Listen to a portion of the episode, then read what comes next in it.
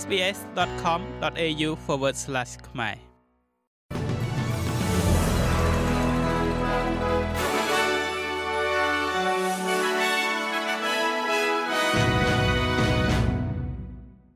សូមស្វាគមន៍មកកាន់នេតិព័ត៌មានខ្លីៗរបស់ SBS ខ្មែរសម្រាប់ថ្ងៃប្រហ័សទី12ខែតុលាឆ្នាំ2023 ជើងហោះហើរដើម្បីជំលះប្រជាជនអូស្ត្រាលីដែលចង់ចាក់ចេញពីអ៊ីស្រាអែលនឹងចាប់ផ្ដើមនៅថ្ងៃសុក្រទី13ខែតុលានេះនឹងមានជើងហោះហើរដំបូងចំនួន2ដោយឥតគិតថ្លៃហោះចេញពីអាកាសយានដ្ឋាន Ben Gurion ក្នុងប្រទេសអ៊ីស្រាអែលឆ្ពោះទៅកាន់ទីក្រុងឡុងជាមួយនឹងជំរើសបន្ថែមទៀតនៅពេលខាងមុខ។ប្រទេសជាច្រើនកំពុងធ្វើការងារដើម្បីយកពលរដ្ឋរបស់ផងខ្លួនចេញពីប្រទេសអ៊ីស្រាអែលដោយសារចំនួនរវាងកងកម្លាំងអ៊ីស្រាអែលនិងក្រុមហាម៉ាស់ ប្រជាជនអូស្ត្រាលីមួយចំនួននៅអ៊ីស្រាអែលបានសម្ដែងការខកចិត្តចំពោះរដ្ឋាភិបាលដែលមិនបានផ្ដល់ផ្លូវចេញឲ្យបានឆាប់ជាងនេះលោកនាយករដ្ឋមន្ត្រី Anthony Albanese និយាយថាប្រជាជនត្រូវតែចុះឈ្មោះដើម្បីប្រើប្រាស់នៅជើងហោះហើរដោយឥតគិតថ្លៃនេះ។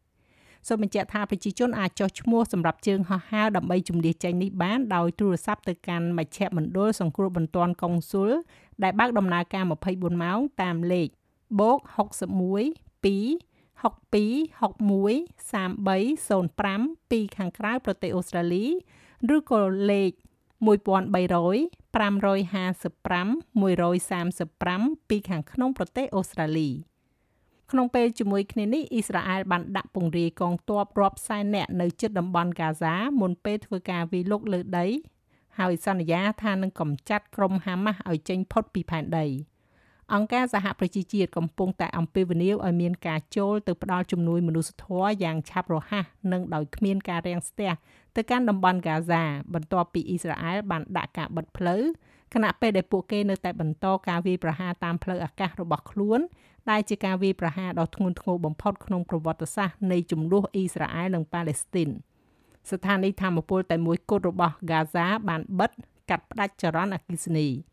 យោធាអ៊ីស្រាអែលបាននិយាយថាមនុស្សជាង1200នាក់ត្រូវបានសម្លាប់នៅក្នុងប្រទេសអ៊ីស្រាអែល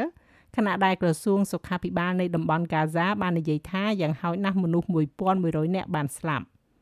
នៅសហរដ្ឋអាមេរិកលោកប្រធានាធិបតី Joe Biden បានបញ្ជូនរដ្ឋមន្ត្រីការបរទេសគឺលោក Anthony Blinken ទៅកាន់ប្រទេសអ៊ីស្រាអែលសហរដ្ឋអាមេរិកកំពុងពិភាក្សាជាមួយនឹងអ៊ីស្រាអែលអេស៊ីបនិងអង្គការសហប្រជាជាតិ ស្ដីពីការអនុញ្ញាតឲ្យផ្ដល់ជំនួយខ្លះចូលទៅក្នុងតំបន់ហ្គាហ្សានិងអនុញ្ញាតឲ្យអ្នកស្រុកមួយចំនួនចាកចេញបកមកក្នុងប្រទេសអូស្ត្រាលីយើងវិញអ្នកកាសែតអូស្ត្រាលីគឺលោកស្រី Cheng Lei បានត្រឡប់មកដល់ផ្ទះនៅទីក្រុង Melbourne វិញហើយបន្ទាប់ពីត្រូវបានឃុំខ្លួនក្នុងប្រទេសចិនអស់រយៈពេលជាង3ឆ្នាំ ក្រសួងការបរទេសចិនបាននិយាយថាអតីតពិធីការនីទូរទស្សន៍រដ្ឋចិនរូបនេះត្រូវបានកាត់ទោសឲ្យជាប់ពន្ធនាគាររយៈពេល2ឆ្នាំ11ខែដោយតុលាការក្រុងប៉េកាំងពីបទផ្ដាល់អាតកម្បាំងរដ្ឋដោយខុសច្បាប់ដល់បរទេសទោះបីជាមិនមានព័ត៌មានលម្អិតបន្ថែមទៀតត្រូវបានផ្ដាល់ឲ្យក៏ដោយ។ការដោះលែងរូបលោកស្រីនេះធ្វើឡើងចំពេលដែលទំនាក់ទំនងរវាងអូស្ត្រាលីនិងចិនកាន់តែប្រសើរឡើងក្នុងរយៈពេលថ្មីថ្មីនេះ ចុងក្រោយនេះស្នងការរៀបចំការបោះឆ្នោតអូស្ត្រាលីហៅកាត់ថា AEC បានដាក់ចេញនូវវិធានការជាមូលដ្ឋានសម្រាប់ការបោះឆ្នោតនៅថ្ងៃសៅរ៍ទី14ខែតុលានេះដោយជំរុញឲ្យប្រជាជនជៀសវាងការស្លៀកសម្លៀកបំពាក់ដែលអាចនាំឲ្យមានភាពចម្រូងចម្រាស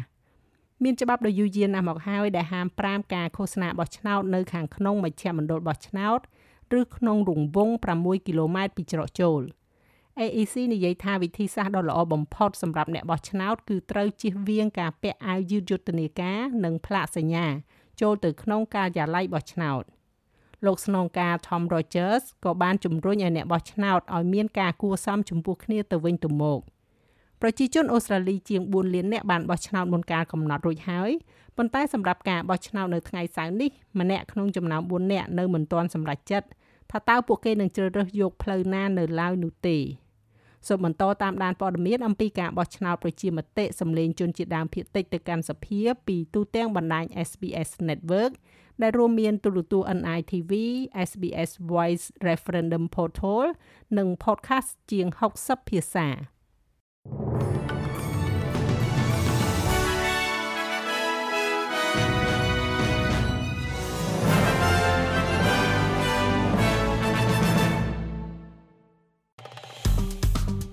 ចុច like share comment និង follow SPS ខ្មែរនៅលើ Facebook